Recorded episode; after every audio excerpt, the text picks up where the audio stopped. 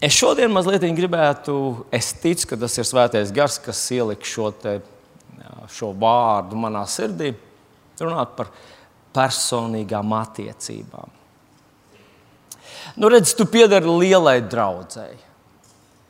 Un, kā jau minēju, kādi 10, 15 cilvēkiem viņiem izdodas pasveicināties ar mācītāju. Un, un kaut ko viņš pasakā, un varbūt kāds, kurš no nu, zāles otrā gala tur vēro un domā, nezinu, ko viņš tur pateica. Nu, Es tev varu pateikt, ko viņš teica. Jā. Prieks tev redzēt, kā jums klājas, jūs labi izskatāties, Dievs jūs svētī un kaut, kaut ko tam līdzīgu.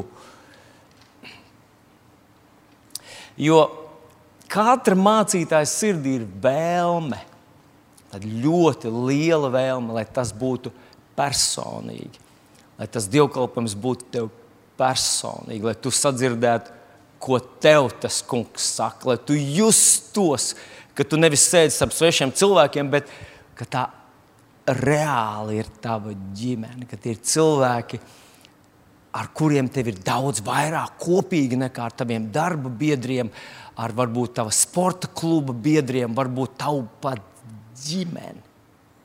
Kādreiz tā reāli ir. Un, zinot, tādu paraugu stundu manā dzīvē es piedzīvoju. Es to kādreiz esmu pastāstījis, bet šobrīd to vēlreiz atstāstīšu.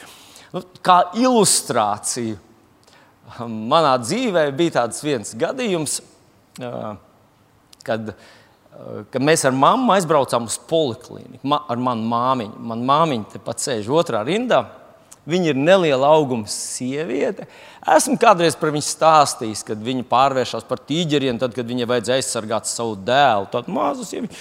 Viņai ir 35. kājas izmērs. Nu, nu, tas kaut ko saka. Man vienmēr liksies, ka vai tieni, kā var būt tik maza kurpīta vispār. Nu, tāda maza kundzīte viņa ir. Nu, lūk, un uh, mammai vajadzēja pie doktora, un mēs aizbraucām uz poliklīniku. Nu, tur kā vienmēr, kā vienmēr pie doktora ir kas jādara. Ir rinda, protams, rinda. Bet, eh, mīļie draugi, esmu dzirdējis mūsu amerikāņu draugus. Nu, atslābstiet, paskatieties, kāda Amerikā ir rinda pie doktora. Tad jūs eh, nekurnēsiet par to, kā tas ir šeit. Nu, tā tad mēs paņemam, mums ir numuriņš, mēs ieņemam savas vietas uzgaidāmā telpā. Un ko dara normāli mūsdienīgi cilvēki, kad viņiem ir jāgaida? Izvelk avīzi ārā. Ja? nu, protams, es arī izdabūju ārā savu telefonu. Un, Un sāku skatīties, kas tur ir e-pastā, kas ir uzrakstīts, kas man, man nav izziņa, kāda jāatbild un tā tālāk. Nu, ko dara mana mamma? Mana mamma iesoļo visu tā vestibila vidū, ar traktātiņu rokā un sāka evanģelizēt. Jā, jā, viņa tur saka par Dievu, Dievu mīlestību un nākat uz mūsu draugu. Es esmu telefonā. Tajā mirklī, pagaidiet, vēl nav tas. Tajā mirklī viņi pagriežas un rekur mūsu mācītājs.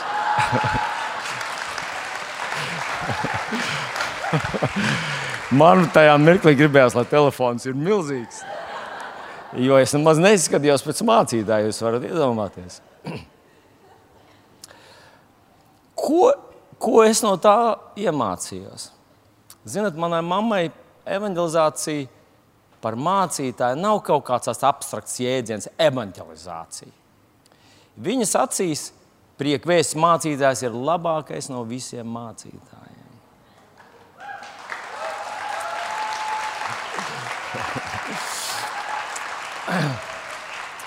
Un man tāds sajūta, ka tā tam jābūt.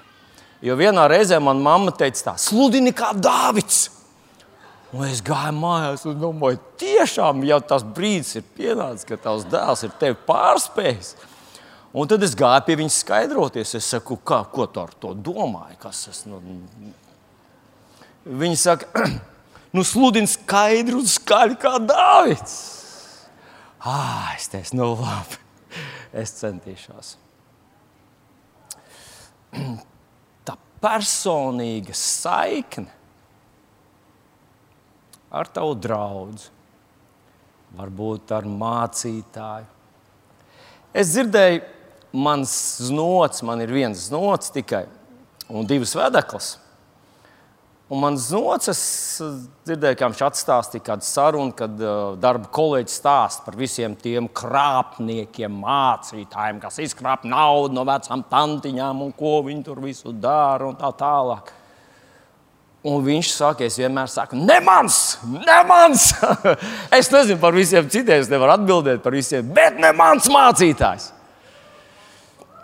Un bez šaubām mēs jau pagājušajā svētdienā vienojamies, ka mēs nesauksim par eņģeli. Kāds bija pagājušajā? Lai paliek kā ir. Ja? Arī mūsu draudzē nav neviena eņģeļa. Bet uh, tas ir kaut kas tāds personīgs. Cik personīgi tas vispār ir? Es teikšu, no mūsu kalpotāja, te tikko bija vesela rinda ar kalpotājiem, tur pie bungām sēdēja pie taustiņiem. Tur.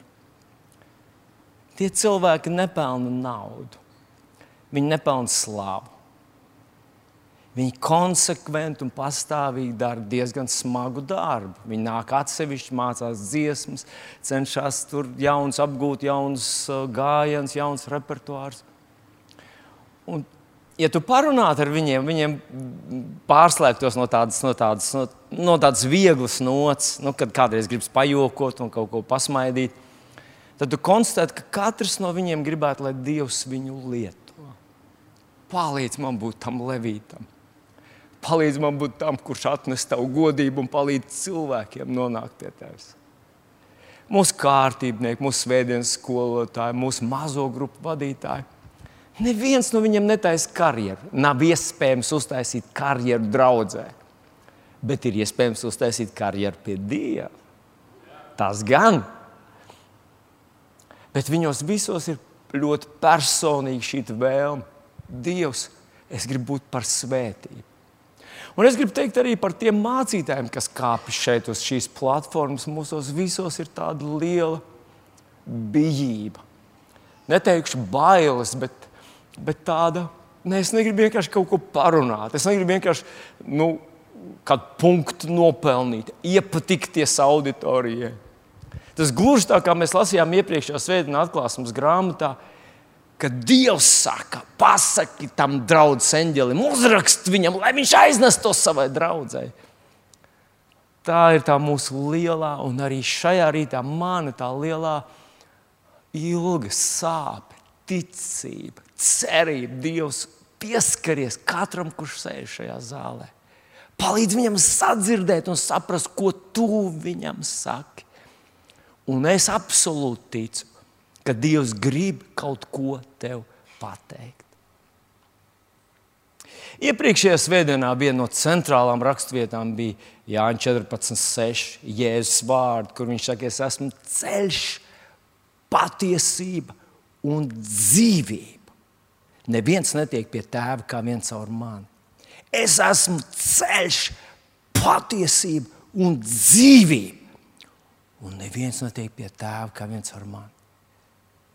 Jūs saprotat, ka ar Jēzu tas nozīmē, ka attiecības ar Jēzu vienmēr ir dinamikā, viņas veidojas, viņas, viņas tas ir process. Viņš nepārtraukti tevi sauc tālāk, tā kā ceļš uz priekšu. Ja tu apstājies, tas vairs nav tas ceļš. Tu visu laiku ir jāmainās. Tev jādodas tālāk, tu uzzini kaut ko jaunu, ieraugi kaut ko jaunu. Tas ir Tas ir tas, kas ar mums, normāliem, dzīviem kristiešiem, notiek. Katru svētdienu, atnākot uz dievkalpojumu, mēs dzirdam, viņš mūs motivē kaut ko atstāt un kaut ko jaunu pieņemt. Katru reizi atverot Bībeli vaļā, tur ir tas pats. Tev Bībeli uzrunā nevis palasi un aizmiedz, bet palasi, sadzirdi, saproti un paņem. Tu kaut kur virzies. Un ja tu ļauj, lai viņš tevi ietekmē, Es domāju, pasaulē nav otras tādas grupas cilvēku, kas tiek regulāri visas dzīves garumā motivēti mainīties. Kļūt par labākiem tēviem, labākiem vīriem, labākām sievām, labākām mamām, labākiem bērniem, labākiem pilsoņiem, labākiem evanģelistiem. Dievs visu laiku tev grib pavest vēl maķinīt uz priekšu. Un tie, tas nekad nav Dievs, tie esam mēs, kas sakam, te tālāk es aiziet nevaru. Jēzus ir ceļš, viņš ir absolūta patiesība visos apstākļos, visās situācijās, priekš ieslodzītā un miljonāra. Un man gribētos teikt, viņš ir dzīvība. Kas var būt vēl personīgāks kā dzīvība? Un tāpēc šajā rītā man gribas uzjautāt tev, cik personīgi tas viss, tā padarīšana ar Dievu tev ir cik tā ir personīga. Cik tu starp citu atnāci šajā rītā šeit. Un vienkārši esi šeit, tāpēc, ka nu, dažreiz cilvēki pat nemāķi pateikt, kāpēc es esmu priekvēstī. Ļaujiet man pastāstīt vienu ilustrāciju, kas man arī lika domāt par to. Atcerieties, Jēzus kādā vietiņā sacīja, ka šīs pasaules bērni ir gudrāki savā lietās par gaismas bērniem. Tas bija vienā nelielā Teksasas uh, koledžā. Tātad Teksas koledžas prezidents sēž savā kabinetā, dara savus ierastos darbus, pēkšņi pavērās durvis un ienāk iekšā sirds kungs. Un tas sirmais kungs saka tā: Es gribu jūsu augstskolai noziedot vienu miljonu dolāru plus nodokļi.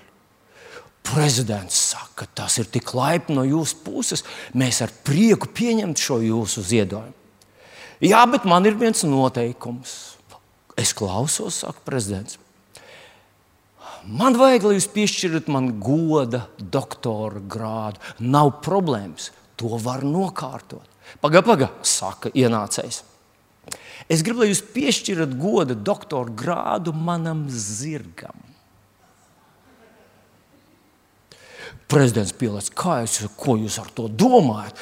Uh, mēs nevaram.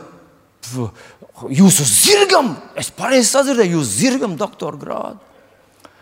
Jā, redziet, man ir ķēbe, becija. Viņa man ir nēsājusi, vadājusi visus garos gadus. Un es gribu savus dzīves nu, nogalēt, gribu viņai parādīt tādu cieņu, un gribu viņai kaut kādu gandarījumu sagādāt. Es gribu, lai viņai piešķir transp transporta doktora grādu. Prezidents pieliek kājās un saka, mēs nevaram piešķirt doktora grādu zirgam. Atnācējs saka, man žēl, ka jūs tā sakat, tad es jums nevaru ziedot miljonu krietni svīzdams prezidents Lauks Viedrs un saka, ziniet, ko nestrēpsim karstu. Es sasaukšu valdes sēdi un tad mēs apspriedīsim jūsu piedāvājumu.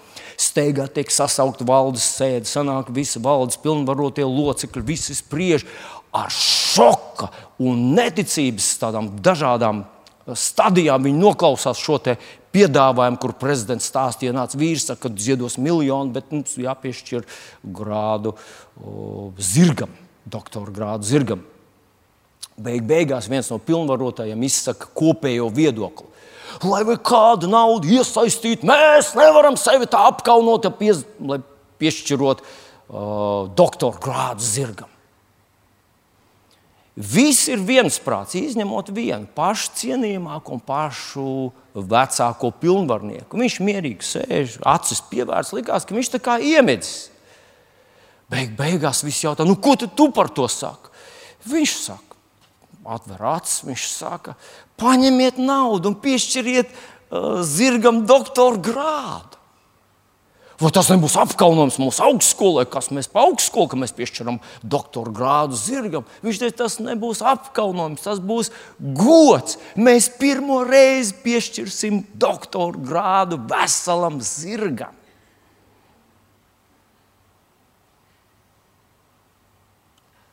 Viss, tagad bija jāsmējās.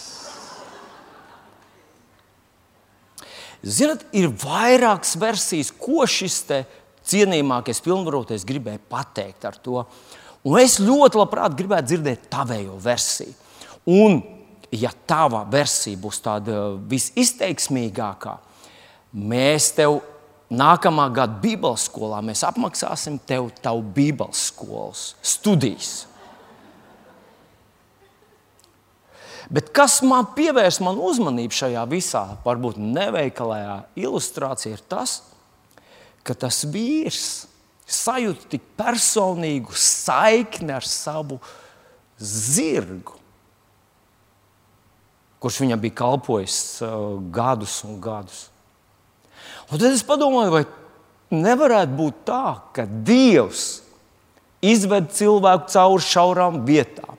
Palīdz viņam, tad, kad viņš grimst, svētī, paceļ un faktiski izved viņu cauri visai viņa dzīvē. Nu, viņš ir tādās un tādās, nu, nos, nosauksim tādās nu, labi nodrošinātās vecumdienās.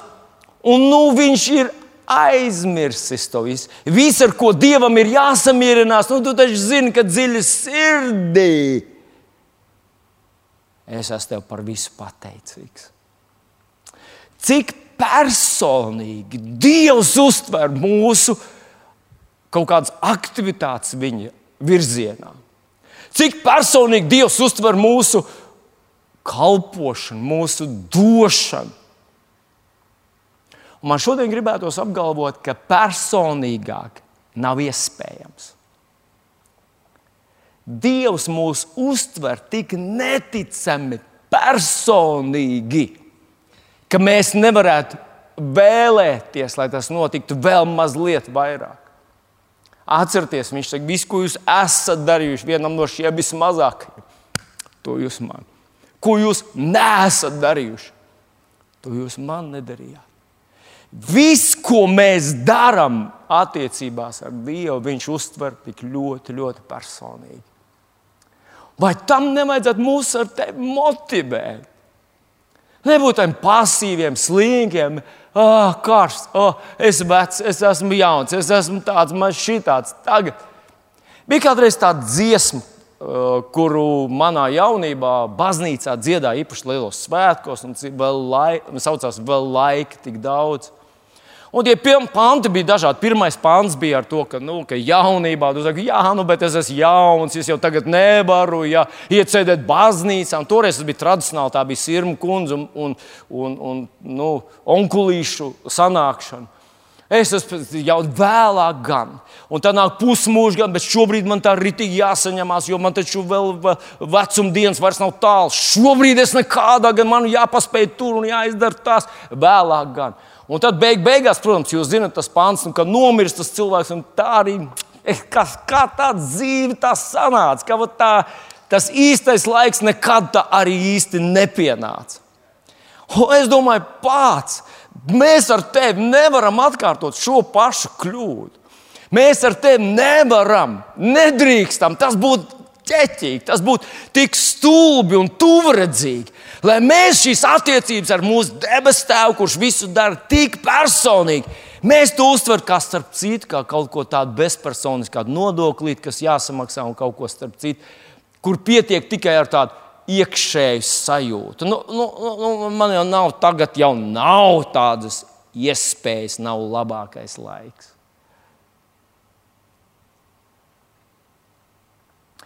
Un šodien gribu iesākt ar ebreju vēstulītes 4. nodaļas 16. pāntu, kurš, manuprāt, mums ļoti nepastarpināti un tieši saka, ka, ja tavas attiecības ar Dievu nav personīgas, dziļi personīgas, tad viņas nedarbojas. Un tur ir tas, tas paradoks, ka kāds varbūt sēž lielā draudzē, viņš pazīst daudz cilvēku, viņš ar visiem kopā sveicinās, viņš varbūt arī dzied līdzi slavētājiem dziesmu, un tomēr tas var nebūt personīgs. Tas ir kaut kas, ko tu vienkārši dari, tāpēc ka visi tā dara. Nu, pirms mirkli Līga uznāca šeit augšā un teica, nu, nu sarīkosim dievam to, to, nu, to prieku pilno troksni. Un, Es, protams, neapgalvoju, ka te kāds to darīja vienkārši tāpēc, ka citi darīja. Bet es teicu, Dievs, es tevi pagodinu no visas sirds. Vai es ar šito varu kaut kā tevi pienest? Es gribu, es gribu, es gribu savu kungu, Dievs. es gribu izpaust visu savu pateicību un prieku. Es domāju, ka tam tā vajadzētu būt vienmēr. Arī tad, kad mēs ziedojam savu naudu, ka tas nav ko starp citu, es iemetu kaut kādu kāpēciņu, vai iemetu to, kas man neko nenozīmē. Tam būtu jābūt tā, ka tu iedevi, ka tu pēc tam vēl ilgi atceries, kam tu iedevi, ko tu iedevi un kāpēc tu iedevi. Tā taču ir ar cilvēkiem, kuriem mēs kaut ko īpašu uzdāvinam, vai ne? Vai ne? Dievs ļoti personīgi. Nu, re, kur mēs lasām ebrejiem 4,16. Tāpēc piesim bez bailēm pie žēlastības troņa, lai saņemtu apžēlošanu, atrastu žēlastību un palīdzību īstā laikā. Nu, Tātad tur pieminēts trīs lietas - apžēlošana, žēlastība un palīdzība. Apžēlošana ir kas?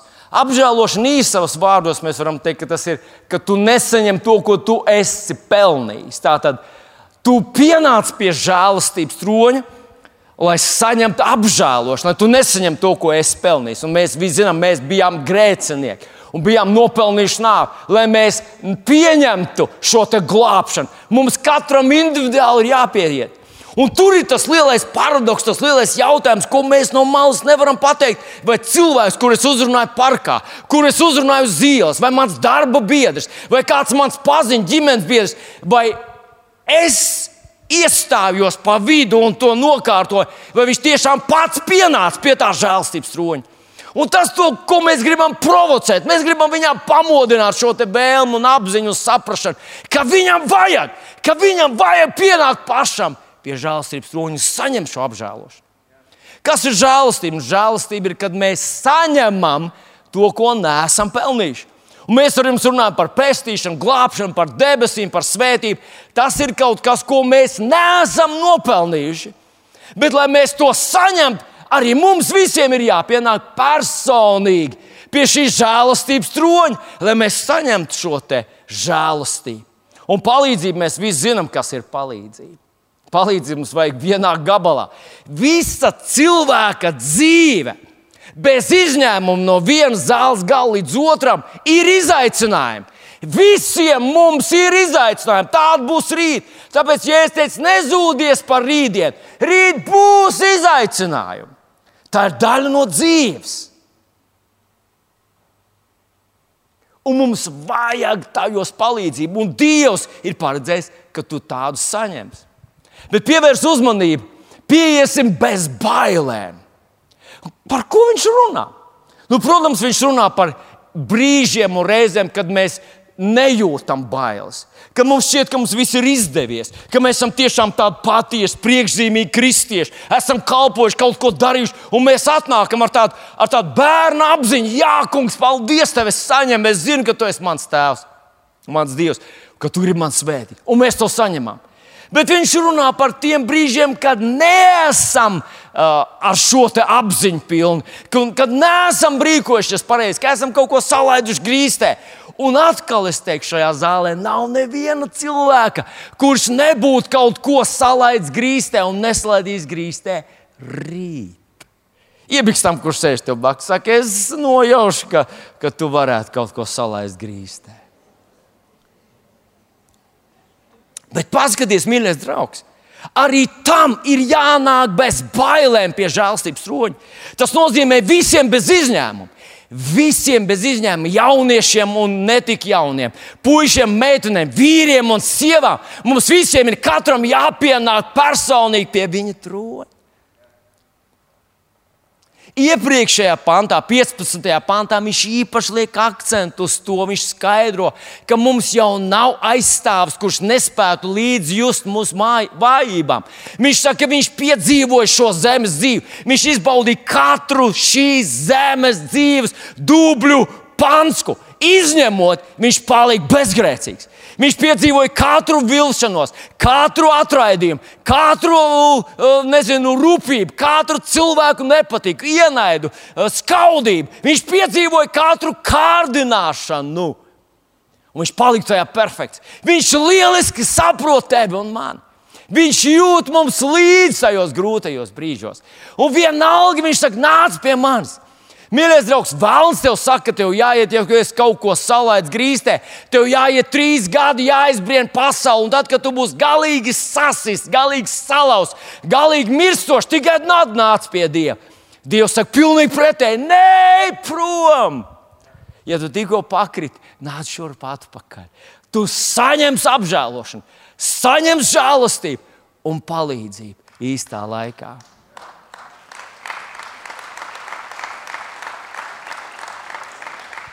Bet, mīļais draugs,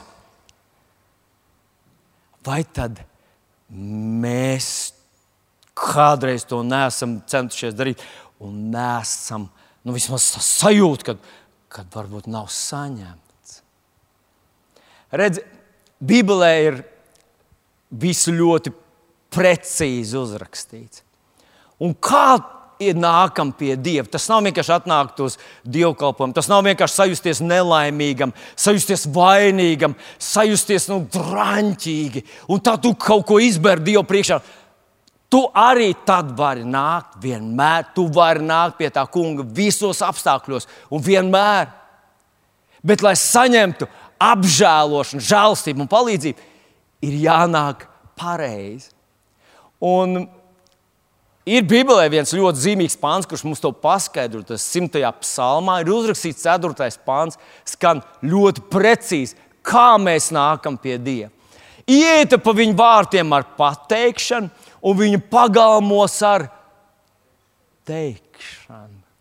Iet pa viņu vārtiem ar, pate, ar, ar pateikšanu, viņa pagalmos ar teikšanu. Pateicieties viņam, slavējiet viņa vārdu. Nu, var rasties tāda sajūta, ka tas tā tāds, nu, tas tā tāds, nu, tāds lirisks izteiciens, nu, tā jums tā, tā kā. Nu, tā kā, tā kā prieka vēstī mēs sākam dievkalpojumu ar, ar tādiem nu, slavēšanām, jautrām dziesmiņām. Un no sākuma varbūt tas likās tā, nu, tas likās avangardiski, ja jauniešiem īpaši, mm, kad tu aizgāji uz tradicionālu baznīcu, tur bija tāds - do, do, do. Nu, tā kā Tur bija tā, viss tāds, nu, mēs esam grēcinieki, visi, un neglābjam, tādu būsim līdz mūža galam, apžēlojies.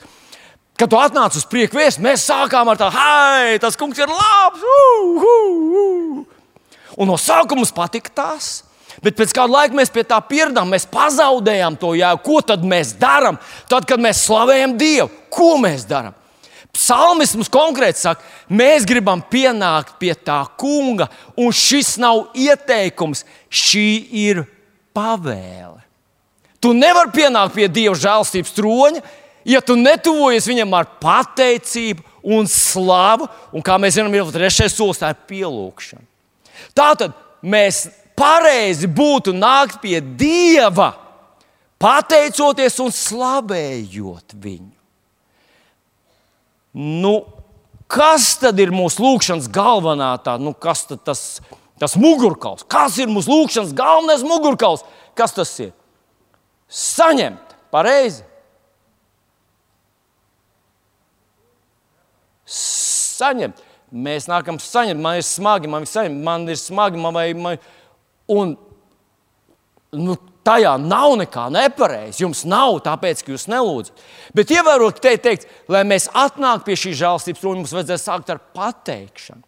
Nu, ir tāds jau tāds, tā tāds noformulēts pateicības, slāvu un pielūgšanu. Par ko mēs pateicamies?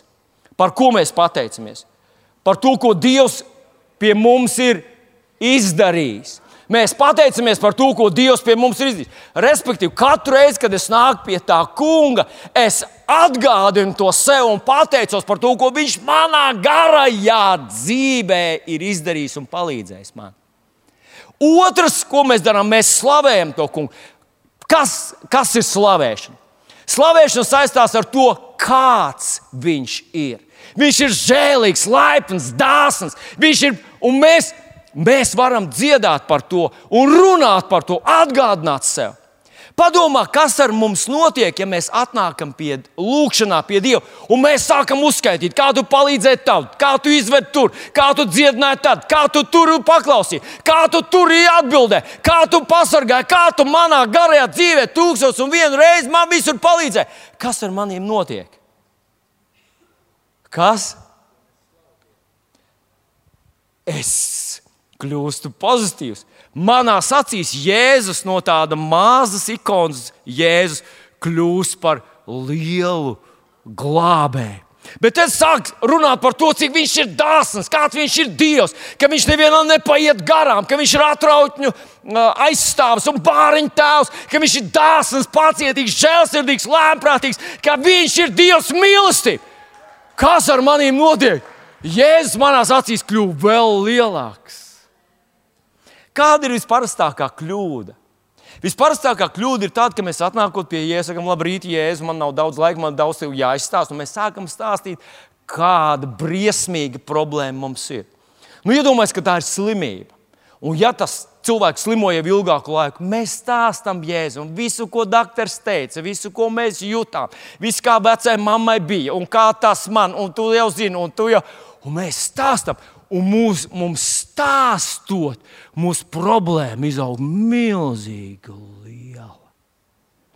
Tā vietā, lai Dievs kļūtu liels, mēs padarām problēmu lielu. Ziniet, kas notiek, kad mēs sākam stāstīt par lielo problēmu? Mums izveidojas ar viņu personīgas attiecības personīgas attiecības ar manu problēmu, ar manu slimību, ar manu lielo vajadzību, ar manu bezcerīgo situāciju, ar to, kur es esmu, ar manu dzīvi, kas viss ir sačakarēts, viss ir galā. Bet, Jēzu, ja tu kaut ko vari, mēs nobeidzam, paldies tev, dari kaut ko. Un tas nav īsti tas, kā tas bija iecerēts. Lai mēs saņemtu apžēlošanu, žēlstību un palīdzību. Mums vajag ienākt ar pateicību un slāpu. Un tad beigās ir pielūgšana. Pielūgšana saistās ar to, kas viņš ir. Viņš ir Dievs, debesu un zemes radītājs. Wow! Šo pašu principu mēs redzam Jēzus mums atstātajā lūkšanā, kuru mēs bieži vien saucam par tēvu reizi.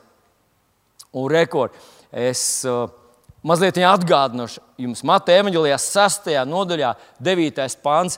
Jēzus mums stāsta, Tas tā nav bijis domāta tāda lūkšana, kur nemitīgi atkārtot, bet tas ir princips, lūkšanas princips. Un rekā tur teikts, lūdziet tā, mūsu Tēvs debesīs, mūsu Tēvs debesīs, mūsu Tēvs debesīs. Sākās ar to? Ja? Nu, ko, ko tas nozīmē? Mūsu Tēvs, mūsu uh, Tēvs debesīs. Nu, Iedomājieties, ka tu aizies uz banku, tev vajag palīdzību no bankas, un tur sēž tavs tēvs. Tas ir tas, ko viņš cenšas pateikt. Ka tas nav kreditors, tas nav tiesnesis, tas nav ierēdnis, tas nav policists, tas nav vienaldzīgs darbinieks. Tas ir tavs tēvs, kurš tevi mīl, kurš tevi ir dzemdinājis, kurš par tevi devis dārgāko, kas viņam bija, devis savu dēlu. Viņš sāk lūkšanu ar to šīm attiecībām. Hei, hei! Tev vajag dziedināšanu, palīdzību, tev vajag drošību par rītdienu. Tu taču runā ar savu tēvu. Debesīs! Tas nozīmē, viņš ir radītājs. Tad nākošais teikums, ko Jēzus mums dod šo principu, svētīs, lai top tavs vārds, un tā ir slavēšana.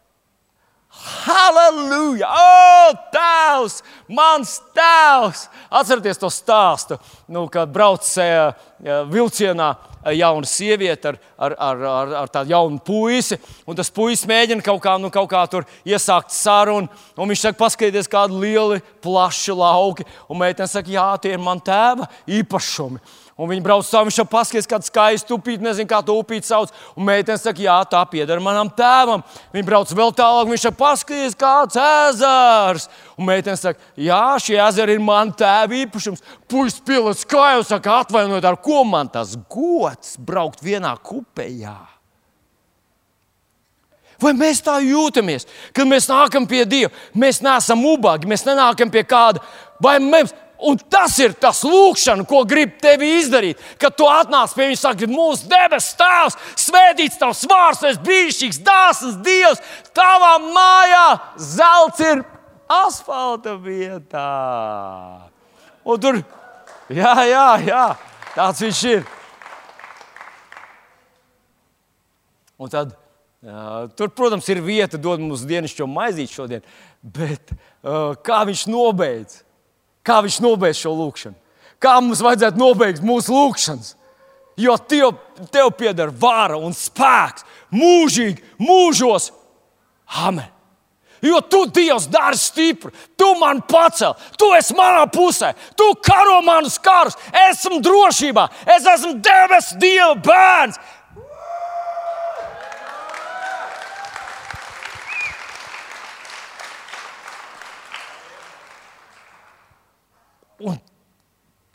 Tas ir tas, ko, par ko viņš runā. Pienāksim bez bailēm pie žēlstības troņa, lai saņemtu apžēlošanu, atrastu žēlstību un palīdzību īstajā laikā. Pagājušā svētdienā mums bija ļoti brīnišķīgs dievkalpojums. Bet tajā svētdienā, šeit sēžot apakšā, es ieraudzīju šo svētdienu. Un es ieraudzīju šo svētdienu tā, ka es atrodos šeit priekšpusē, un es runāju svētības vārdus, runāju tādas spēka, dieva, dieva spēka vārdus pār tevi. Es tā kā svētīju tevi. Un zini, kas ir? Man atnāca pēc tam šī raksturvieta, pieiesim pie viņa troņa, lai saņemtu apžēlošanu, žēlstību un palīdzību. Paklausies, nu kas, kas, kā, kā tas ir. Es no tāda pretēji piemēra pateikšu, lūdzu, nepiedauzies. Ja kāds šeit uzkāptu un paskatījies uz tevi un teiktu lāsta vārdus, teiksim, nu, kaut kādus tādus niknus, ļaunus, tādus indīgus vārdus, tu uzreiz sajust, ka tas ir tas, ko tas cilvēks grib, un tas ir tas, nu, ka tas ir kaut kas reāls. Kā Dieva bērns, tu teikt, ko? Jēzus asins par mani. Es neko nepieņemu no šiem ļaunajiem vārdiem. Uz mani tie neatiec. Es esmu Kristu Jēzu, esmu svētīts ar visu un katru debesu svētību. Kristu Jēzu. Jā, pareizi.